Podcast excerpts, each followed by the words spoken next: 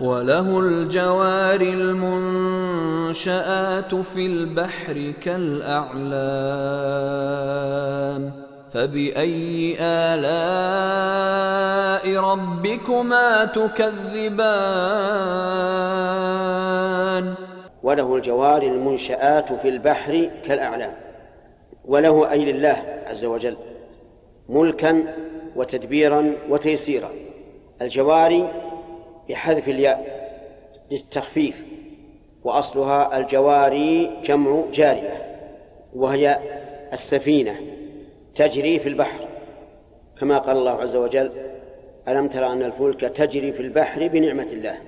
المنشآت أي التي أنشأها صانعوها ليسيروا عليها في البحر وقوله في البحر متعلق بالجوار أي الجواري في البحر.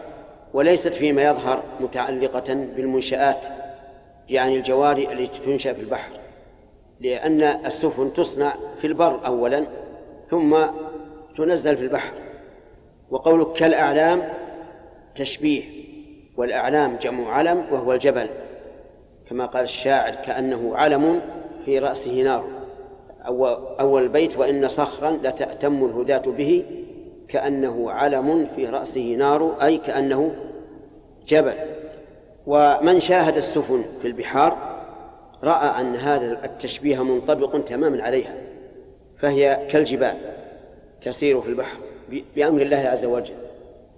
وإنما نص الله عليها لأنها تحمل الأرزاق من جانب إلى جانب ولولا أن الله تعالى يسرها لكان في ذلك فوات خير كثير للبلاد التي تنقل منها والبلاد التي تنقل إليها.